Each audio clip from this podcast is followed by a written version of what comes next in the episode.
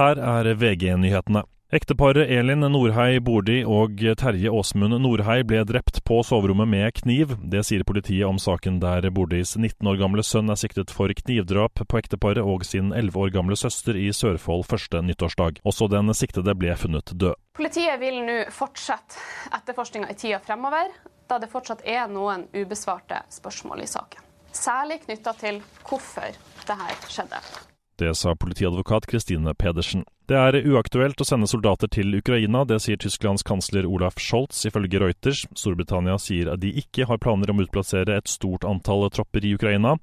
I går sa den franske presidenten Emmanuel Macron at det ikke er utelukket å sende vestlige bakkestyrker til det krigsherjede landet. Bussjåføren som kjørte over beinet til en kvinne på Alnabru i Oslo i mai, er dømt til 30 dagers ubetinget fengsel og er fratatt førerkortet i to år. Beinet måtte amputeres ved leggen etter ulykken, skriver NTB. I studio Andreas Hagen Haakonsen, nyhetene får du alltid på VG.